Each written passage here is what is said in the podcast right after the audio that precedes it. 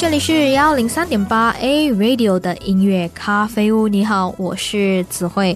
那接下来就要为听众朋友分享有哪些食物我们是可以选择，然后呢，作为可能小吃啊或者零食来吃的。要分享的是有五个。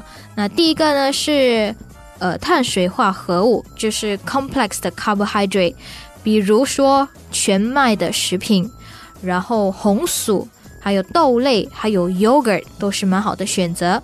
第二就是鸡蛋，那鸡蛋当中含有的一种元素叫做氮碱，那它是有助于提高和稳定我们的情绪的，然后有促进。然后我们呃促进我们的记忆能力，也是提高我们的注意力。除此之外呢，当然它的营养成分也是很高的啦。第三就是黑巧克力 （dark chocolate）。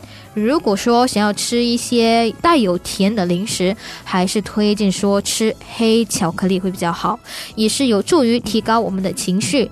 然后当中也是富含有抗氧化剂，并且有助于我们的血液循环。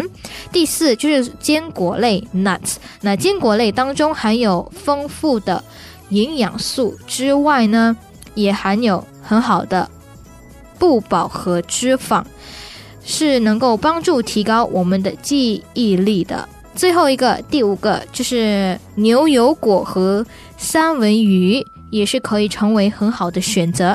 当中含有的欧米伽三之外呢，也是能够增强我们的饱足感，就增加我们的饱足感了，然后避免一直想要吃东西的这个欲望了。